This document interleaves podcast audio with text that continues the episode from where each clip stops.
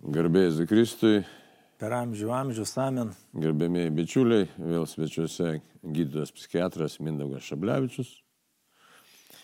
E, Ir pakalbėsim toliau tokiom ir dvasinėmi, ir e, psichinių sutrikimų temomis, kurios yra aktualios. Juolab, kad anksčiau, kaip sakydavo žmonės ten, e, psichinis ligonis, taip tokios ir pagarbos tikdavo, atsimenu, Kaune aš gyvenau, Kaune augau, ten Kuzmos gatvėje buvo ligonė ir psichiatrinė, ir ten e, dabar tik pastatas labai gražus renovuotas, jeigu kas būsit Kaune prie Vytauto bažnyčios netoli, o mano vaikystė tai kėlė siaubą, aš galiu drąsiai pasakyti, kėlė siaubą tas pastatas, nes e, kai eidom pro šalį tenai pasivaikščioti link Nemuno, tai e, su, su tėvais, su, su mačiutė ten. Tai ten tie grotuoti langai buvo, žinai, ir visi su tokiu siaubu žiūrėdavo į tą pastatą, nes ten kažkokie, nu, negra, nesakysiu negražaus žodžio, bet ten gyveno tokie, žinai, ten juos gydo, ten rėkdavo, girdėdavo, kaip šaukia tie ligoniai, įsivaizduoji. Ir staiga to atėjo toks supratimas, kad tai yra vis dėlto dvasiniai ligoniai, visai kitaip. Mes, aišku, nustebdom iš tų filmų, sakysim, iš vakarų, kai ateidavo filmai, kad štai ne psichiatrinė ligoninė, bet net nu, dvasinė, kaip ten vadinasi, ne, ten angliškai, sakysim, užra, užrašai. Sielos ligonės net buvo pradėti vadinti. Žiūrėkit, paskui Viktoro Franklio ten ta, aiškiai, tokia tematika, kad sielogida atsirado, kad gydytojas turi sielą gydyti. Tai, tai dabar ir Mindagai norėčiau, kad papasakotum tiesiog, vat, tiesiog mūsų tikrai apie tą tokį žvilgsnį, tokį kenčiantį žmogų ir dažna tokia forma šiandien pasitaikanti yra e, depresijos forma girdime ne, ir tikrai ne, kartais žmonės sako, man depre, depresija, nu kartais depresyvi nuotaika. Ir kad jeigu anksčiau tai su kažkokia tai baime ar panika būdavo žiūrima, tai dabar gal vis labiau ir labiau turi tikrai bus žiūrima su užuojauta ir meilė į kiekvieną žmogų, kuris kenčia ir, ir kaip tą kančią spręsti, gal taip sakytume, palengvinti, nori nuo jos gelbėtis. Taip tikrai laikai keičiasi ir prieš keliasdešimt metų vyravo ta tokia stacionarinė daugiau psichiatrija, kad gydimas turėtų būti stacionaruose, bet dabar stacionare gydomi tikrai tik tai sunkesni atvejai Ir e, jeigu kalbant apie depresinius sutrikimus, tai tikrai ne visą laiką ir reikia gydyti stacionare. Dalis žmonių gydosi ambulatoriškai pas gydytojus, psichiatrus, pas psichoterapeutus e, kabinetuose.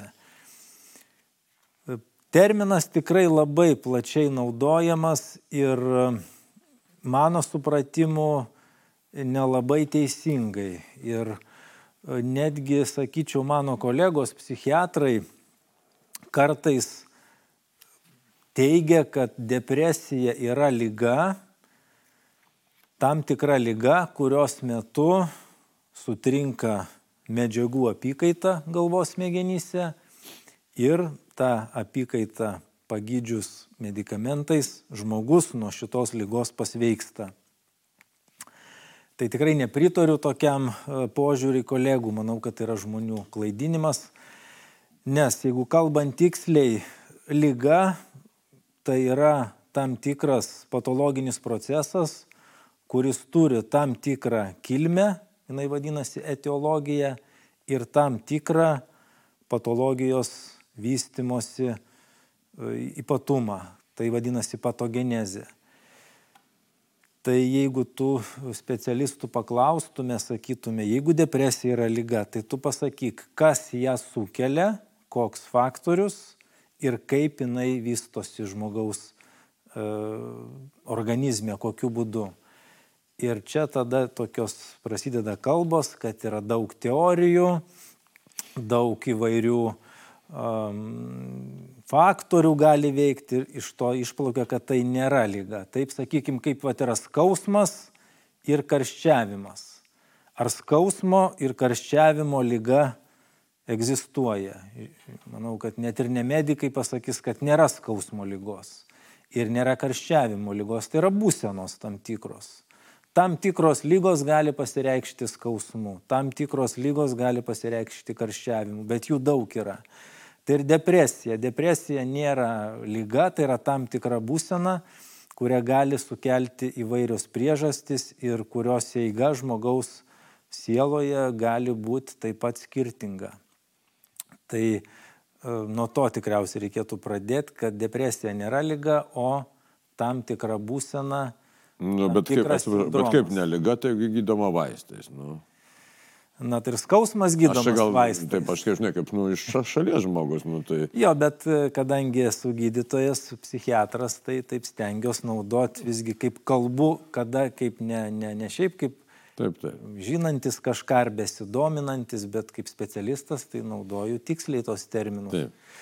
Tai ir, skau, ir kada skauda žmogų, ir kada jis karščiuoja, tai irgi vaistai skiriami, bet nereiškia, kad yra skausmo lyga ir, ir karščiavimo lyga gydytojas duoda vaistų, bet jis turėtų ieškoti, o kas sukėlė šitą būseną. Tai va, tai dabar galima tada truputį ir, ir pakalbėti apie tai. Tai kas tą būseną sukelia, tą depresiją, taip, kuri yra tikrai mm, paplitusi būsena. Tai galėtume sakyti, čia kiek susijęs su asmenybė, su įsitikinimais, dar su kažkuo, nusivylimais, čia labai tokių, žinai, kai pagalvoju apie gyvenimą. Tai, nes aš dėl ko kalbu praktiškai išprovokuoja, Žiūrėk, kartais net vaikai kenčia nuo depresijos, ne, šiaip arba po kokio nors trauminio įvykio žmonės kenčia, po skirybų, po finansinės krizės, lygos atveju, sakykime, sužinai kokią nors diagnozę, nesunkia diagnozė. Nu, kartais nuo pervargimo, nuo persidirbimo atsiranda. Tas perdėgymas kažkas panašaus. Tai tik taip, čia, taip, kaip sakyti, tik Taip, tai teisingai sakot, taip, tas, tas, tas priežastis, kurias jūs išvardinot, jos, jos būna. Taip, kad įnešti truputį aiškumo, e, pirmiausia apibrieškime, aišku, tai kas yra ta depresinė būsena. Taip, tai reiškia, tai yra tam tikrų simptomų rinkinys. Noriu pabrėžti žodį rinkinys. Tai nėra prislėgta nuotaika. Žmogus, kuris yra prislėgtas, nereiškia, kad jis e, serga depresija. Tai yra simptomų rinkinys, kuriam būdingi bent jau trys turėtų būti kokie simptomai. E, Sakykime, vienas iš jų vat, mūsų minėta prislėgta nuotaika, e, taip pat toks malonumo jausmo praradimas, vadinamas tanhedonija, tai yra kada žmogus užsiema veikla, kuri jam e, seniau teikdavo malonumą, bet jisai nu, tiesiog kūne jos nejaučia savo sieloj, dingęs tas malonumo jausmas, taip pat e, energijos trūkumas, kaip dabar kartai žmonės sako, tokios motivacijos toka užsimti tam tikrą veiklą, e, miego sutrikimai, apetito pokyčiai, kartais ir tokios mintis, kad užbaigti savo egzistenciją, taip pat minėtas mūsų praeitoj laidoj nerimas labai dažnai lydi depresiją. Tai tų simptomų jų turėtų būti bent trys kokie, kad galėtume kalbėti, kad tai yra depresinė būsena ir aišku trukti bent kelias savaitės. Taip iki kelių dienų prislėgtos nuotaikos epizodas nėra sutrikimas. Nu, bet būna žmonės metų metais taip gyvena. Taip, tai čia lėtinė jau depresinė būsena, tai jau jeigu metų metais, tai tikriausiai tai reikėtų ieškoti tada priežasčių, tai tada vat, apie ką jūs kalbėjot. Reikėtų tada suskirstyti gal tikrai taip e, aiškumo dėliai į dvi dalis tą depresinę būseną į tokią endogeninio vyraujant endogeniniams veiksniams ir egzogeniniams. Endogeniniams reiškia tokie vidiniai žmogaus sieloj esantis faktoriai yra patys svarbiausi, aišku, ne vieninteliai, bet patys svarbiausi vystantis depresiniai būsenai. Tai tokia forma, kada tikrai svarbu yra medžiagų apykaitos sutrikimai. Tačiau tokia depresija yra jinai nėra dažna. Taip, ją dažnai lydi ir priešingos nuotaikos būsenos vadinama manijos būsena. Dar tokią depresiją galėtume pavadinti bipolinė depresija arba bipolinio sutrikimo depresijos faze, kada ten tikrai yra va, tamsoma lygmenį, kūniškam lygmenį. Bet čia kūniškam, ne? Kūniškam jo medžiagų apykaitos sutrikimai Ir, Bet tai priežastys turbūt neaiškios. Ne? Priežastys nėra aiškios, kodėl neuronai nepagamina tiek neuromediatorių, kiek, kiek turėtų. Ir, ir tikrai ten ir stacionarinio kartais gydimo reikia. Bet Tai Jinai yra čia endogeninė ar egzogeninė? Endogeninė. Endo reiškia viduj kažkokia Aha. problema. Kažkas sutriko. Viduj kažkas sutriko. Tai, bet, sakau, jinai retesnė yra. Procentų tiksliai nepasakysiu, bet 10, 15, 20 visų atvejų. Mhm. O kita dalis yra mm, egzogeninė, tai yra kada yra provokuojantis faktoriai tam tikri išoriniai. E, Tai žmogaus, kaip jūs minėjot, asmenybei kažkur tai glūdi problema, taip tam tikruose bruožuose. Ir čia tada irgi galima, o koks pats dažniausias bruožas, kuris susijęs su depresinė būsena.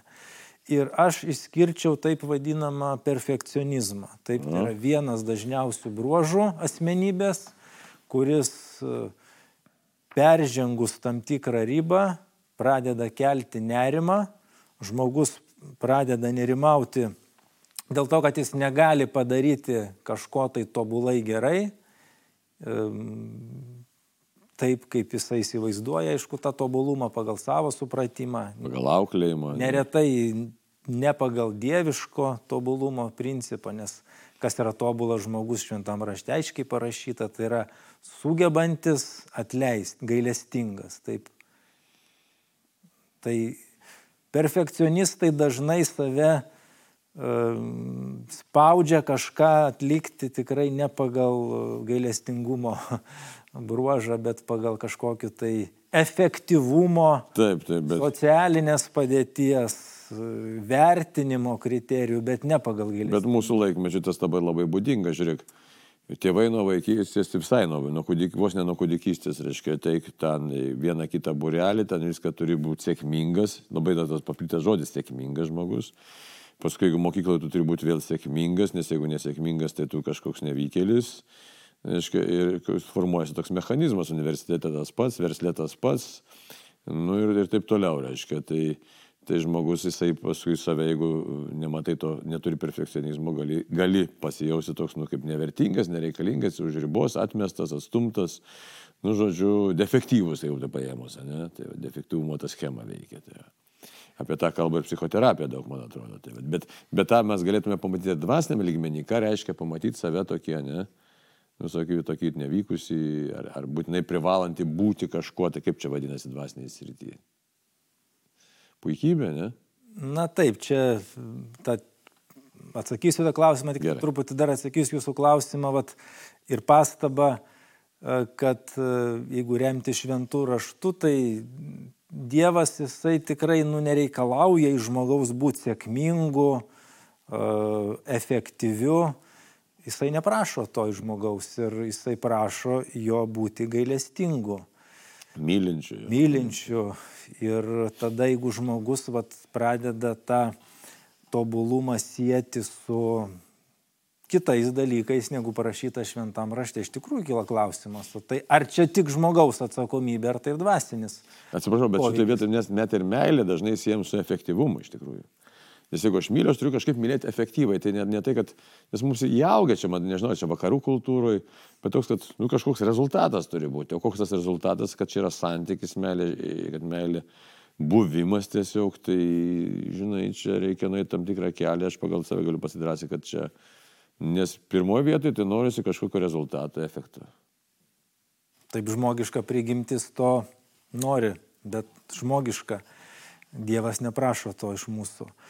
Tai va, tai, tai ta žmogiška prigimtis apipina mūsų sielą visokiais reikalavimais ir e, reikalavimais viską įvykdyti labai gerai, tobulai. Dabar šita būsena vadinama perfekcionizmu. E, Tai taip liktai būtų toks žmogaus bruožas tam tikras. Ir, ir, ir net nebūtinai žodis perfekcionizmas naudojamas neigiamą prasme. E, Noriu pasakyti, kad šitas terminas tikriausiai naudojamas, na, kokį šimtą metų, galbūt dar mažiau, apibūdinti žmonėm, kurie siekia viską padaryti tobulai pagal savo susikurtą mechanizmą. Seniau, porą tūkstančių metų, šitas bruožas buvo vadinamas puikybės sida. Tai va, tai tai, ką mes dabar šimtą metų vadinam perfekcionistiniais bruožais keletą tūkstančių metų buvo vadinama puikybės įda. Ir tas senesnis terminas, sakyčiau, yra tikslesnis žymiai, nes kada įvardinam taip kaip įda, protas sako, tai jeigu tai yra įda, reiškia turi priešintis jai, nes įda tave padarys nelaimingų žmogum. Na, jeigu įvardinam taip kaip bruožą, na, jeigu bruožas, tai galbūt galima su tuo gyventi. Gal net ir geras. Spalva akių ar garbanoti plaukai, o gal tai net ir visai kai kam patinka. Kodėl mes turėtume bandyti to atsisakyti. Ir nu, tam tikrą prasme, sakyčiau, tai yra klystkeliai psichologijos mokslo. Na, dėl to gal ir šitoj laidoj primenam e, klausytojams, kad terminas perfekcionizmas e, turi ir kitą apibrėžimą puikybės įda. Bet ir...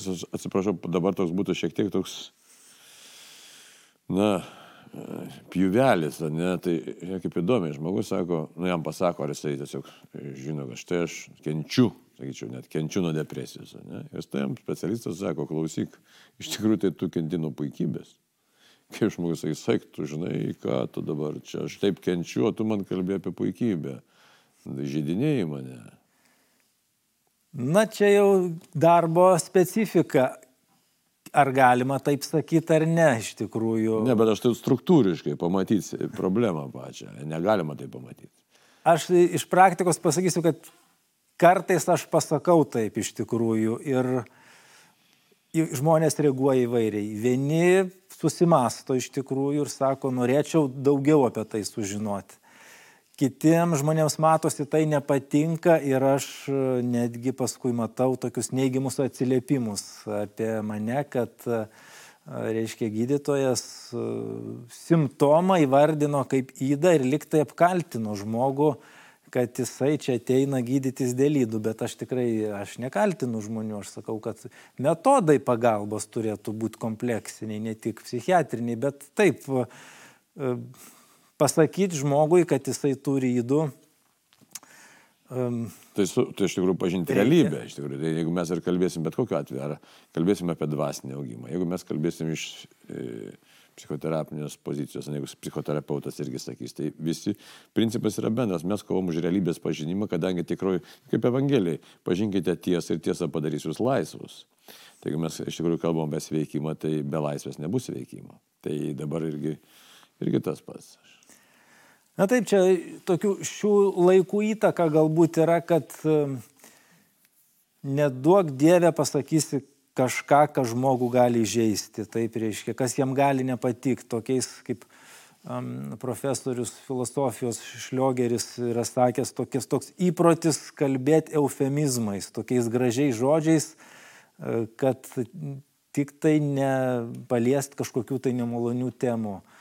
Um, nu, yra ribos tikriausiai visur, nei vieną į kitą pusę nereikėtų nukrypti bet kad dabar tokia yra tendencija privengti žodžio įda, teikiant psichikos sveikatos paslaugas, tai manau, kad yra tokia tendencija ir aš galvoju, kad tai ir, ir, ir sumažina pagalbos galimybės žmonėms. Tai kaip dabar su depresija toliau, ką galėtume pasakyti? Na va, tai, tai viena iš dažniausių tų priežasčių būtų, kaip jūs minėjote, asmenybės tam tikri bruožai, būtent tas perfekcionizmas. Ir žmonės e, išgyvenantis tą būseną tokį pradeda jausti 4D sindromą. 4D tai aš e, pacituosiu tokį daktarą David Burns, amerikiečių psichiatrą, kuris e, yra anglakalbis ir jisai sako, kad e, ir rašo savo knygose, kad depresiški žmonės e, jaučiasi uh, defected, deprived, deserted, defeated. Taip reiškia, uh, defected būtų su defektais, deserted uh, apleisti, taip reiškia, liktai kaip dikumoji kokie mm -hmm. esantis, atskirti nuo kitų. Uh, deprived, deprivuoti, reiškia negaunantis iš kitų, stokojantis, stokojantis jo meilės, šilumos. ir e, defeated e, pralaimėję, nugalėti. Reiškia, tai yra va, toks jausmas. Tu su tokiais jausmais gyvena. Ir va čia iš tikrųjų truputį galvoju, gal ir, ir, ir jūs galėtumėt pasakyti, ar tikrai viską taip galima paaiškinti smegenų biologiją, kad taip besijaučiantis žmogus tiesiog stokoja smegenyse serotonino, noradrenalino, gliutamato ir kitų neuromediatorių, kuriuos gal, gal ir girdėję esat. Ar tai gali būti jėga kažkokia, taip? Nes vienam ir jūsų, vienam jūsų mm, pranešime laidoj esu girdėjęs, jūs sakot, žmogus atsikėlęs, atsibūdęs ryte turėtų prisiminti pradžios knygos žodžius kad žmogau, tu sutvertas pagal Dievo atvaizdą. Net šiaip, bet kaip, taip sakant, bet pagal Dievo atvaizdą. Ir turi tokių savybių netgi, kurių neturi angelai. Ir kiti angelai net pavydėjo žmogui šitų savybių ir net nupuolė, nes jie neturi jų. Tai kada esi sutvertas pagal Dievo atvaizdą ir net užsitraukęs tam tikrų angelų pavydą, tai ar tu gali būti apleistas, stokojantis, pralaimėjęs ir, ir, ir nemylimas. Bet čia, Ar čia gal jėga kažkokia veikia, kad tu taip jaustumai, jautiesi? Va, čia labai įdomus dalykas, labai gerai, kad palėtė šitą temą, nes čia yra šitaip. E, iš vienos pusės e, ta psichiatrija e, mūsų visuomenė kaip yra, tokia, sakysim, kaip, čia, tokį terminą surast, kokį, nu, stigmatizuojama, tokia baisučia. Žinai. Iš kitos pusės, in, jeigu mes žiūrėtume į realybę ir, ir, ir dabar bažnyčios dokumentus, tai visi tie psichiniai dalykai iš kitos pusės jie paverčiami tarsi religijos forma, kad nebe tai viską žino ir tokie tiesiog mistifikuojami pasidaro. Ir kai dabar jūs čia kalbate, ne šitaip, kad štai čia dar vieną reiktų ten jungti dėmesį, dėmenį, tai pasakysiu, ne tai dėkingumo iš tikrųjų. Bet kai taip kalbat, galvo, tai palauk, serotoninas nesigamina smegenyse, tai man reikia, kad jis gamintųsi, man reikia tablečių, man reikia he, nu, mechanizmo tam tikro. Ir staiga dabar sako, tai jo, visai kitaip ten gali būti. Ir štai mes perinam visai kitą plotmę. Ne? Atė, iš karto abejonė. Ar ta kita plotmė tai yra intelektinė, nu, sakysim, jeigu sakai, psichinė plotmė, tai smegenų veikimo plotmė, įsitikinimo plotmė ir tai jau turi kalbėti paskui apie dvasinę plotmę ar tikrai turi įtaką mūsų kūnui, nu, tam visam kūno veikimui. Iškart toks abejonė kyla, aš su to tikrai susiduriu, turbūt daug žmonių susiduria, nes čia mūsų vakariečių sąmonė, tai tikrai labai paplitė yra, kad štai man reikia, nu, mes pripratę žiūrėti į žmogų kaip į mechaninę kažkokią tai dirbtuvę. Ir tas visuminis toks požiūris, jisai yra pranykęs.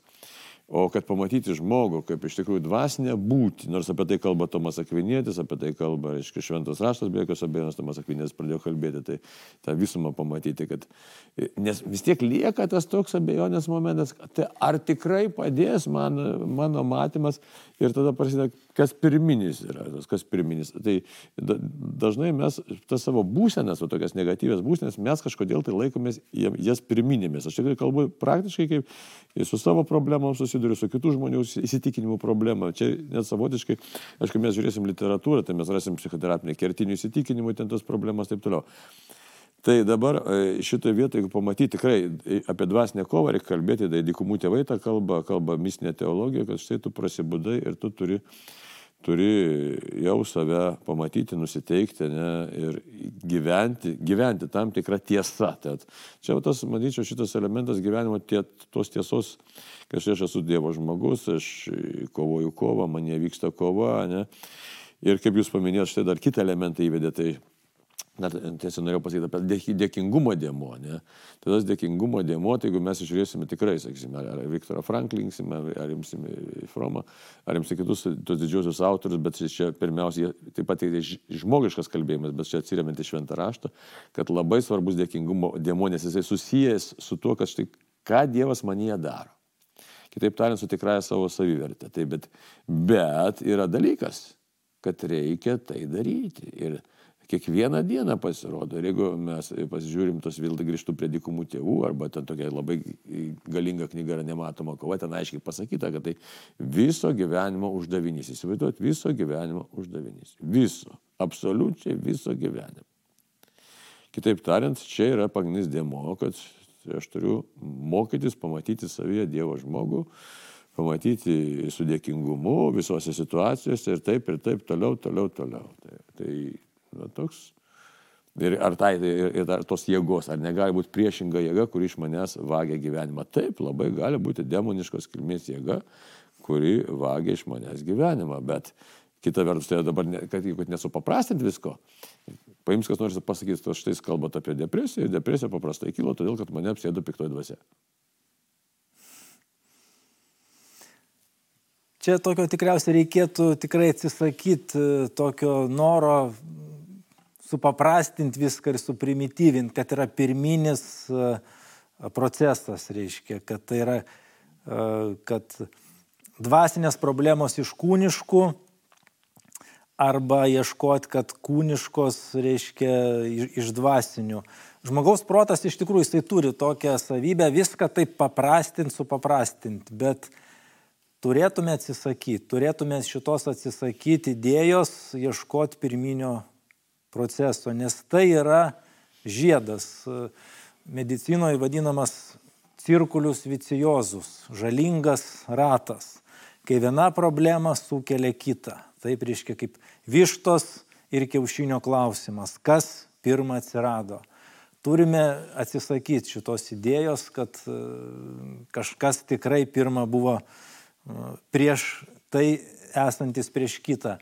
Ir čia yra toks cirkulius viciozus, kad biologinis pažeidžiamumas, serotonino, dopamino, glutamato trūkumas veikia žmogaus intelektą ir atsiranda tos negatyvios mintis. Yra ta, ta dalis žiedo, bet ir kita žiedo dalis, kad negatyvios mintis, o apie ką galvoti žmogus turi laisvę visgi rinktis, tokią valios laisvę, kad ką jisai turi savo intelekte, šitos mintis veikia kūną, pojūčius, malonumo pojūčius, nuotaiką.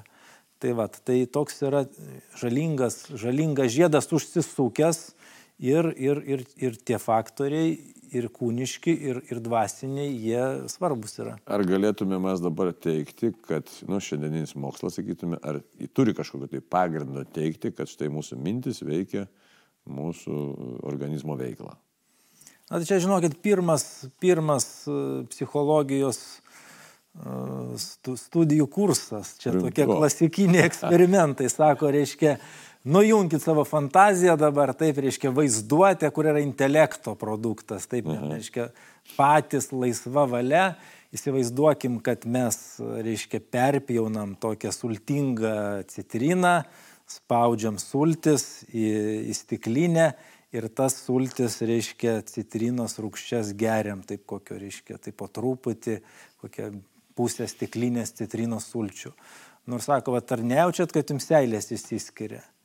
Tai be citrinos tai nėra čia. Tai, va, tai čia pirmo, pirmo kurso uh, užduotis, eksperimentas, kuris sako, kad tai, kas pas tave mintys, tai ir tavo kūne reakcijos atitinka. Tai reiškia, mums reikia būdėti prie savo, kaip šventas raštas, prie savo proto, prie savo širdies durų reikia būdėti. Mistinė teologija tą kalba. Tai vienas dalykas. Bet kitas dalykas yra labai toks klastingas kai kyla mums tos negatyvios mintis, ir ypač jeigu žmogus dar tokio depresyviai nuotaikai, kodėl žmogus patikė būtent tomis negatyviamis mintimis vietoj to, kad kai šventasis raštas ką sako.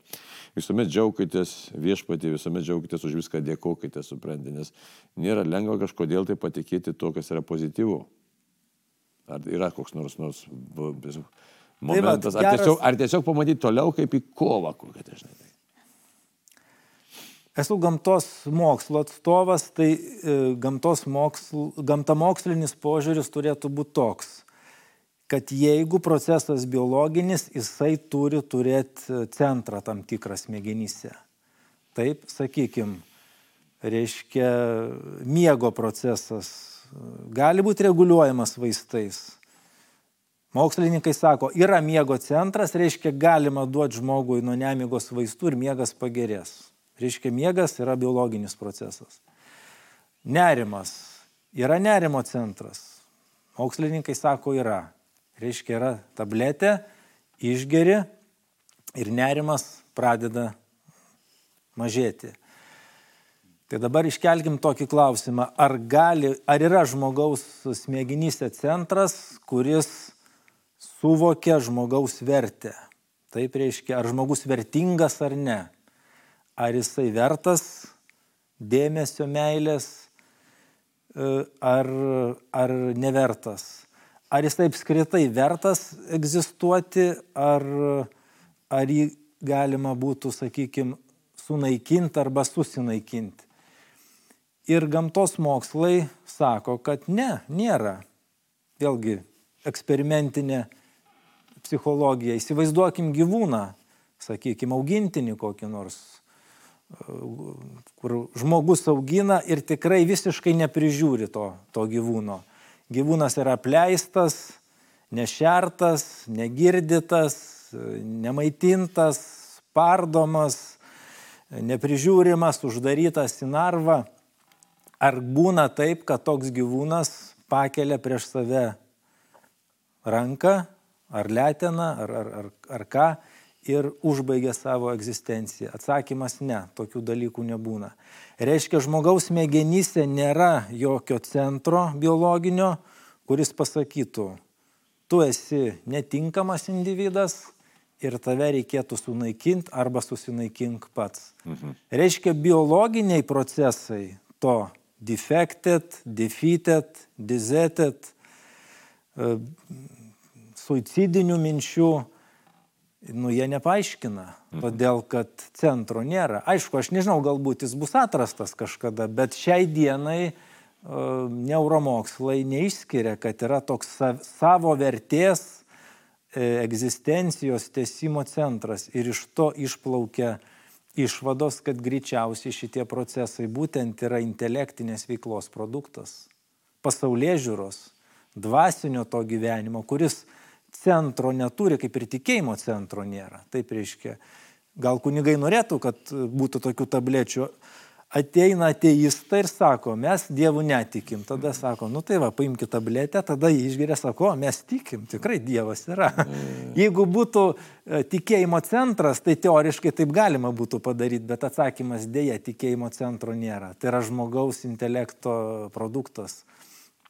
Ir jo tabletėmis neįskiepisi, kaip ir kitų dalykų. Dalis žmonių netvarkingai moka mokesčius. Reiškia, duodi tabletę, pradeda mokėti tvarkingai. Na, nu, tai čia gal atsirastų norinčių kontroliuoti visą žmogaus jo, elgesį. Reiškia, eina kiti, sakykime, pas meilužius ar meilužės, duodi tabletę, pasidaro ištikimas žmogus. Nu, tai pas būrėje paprastai nueina.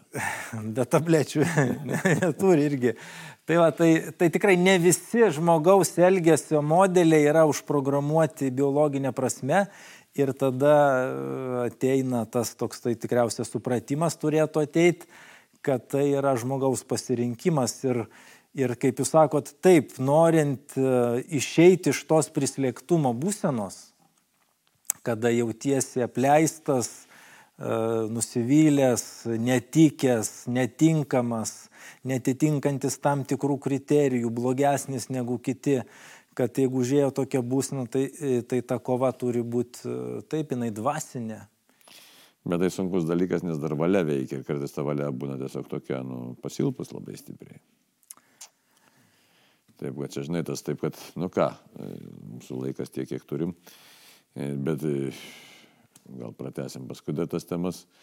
Bet tai vis tiek, taip apibendrinant, ką reiktų pasakyti, kad esame tam tikroj dvasiniai kovoje ir visą gyvenimą.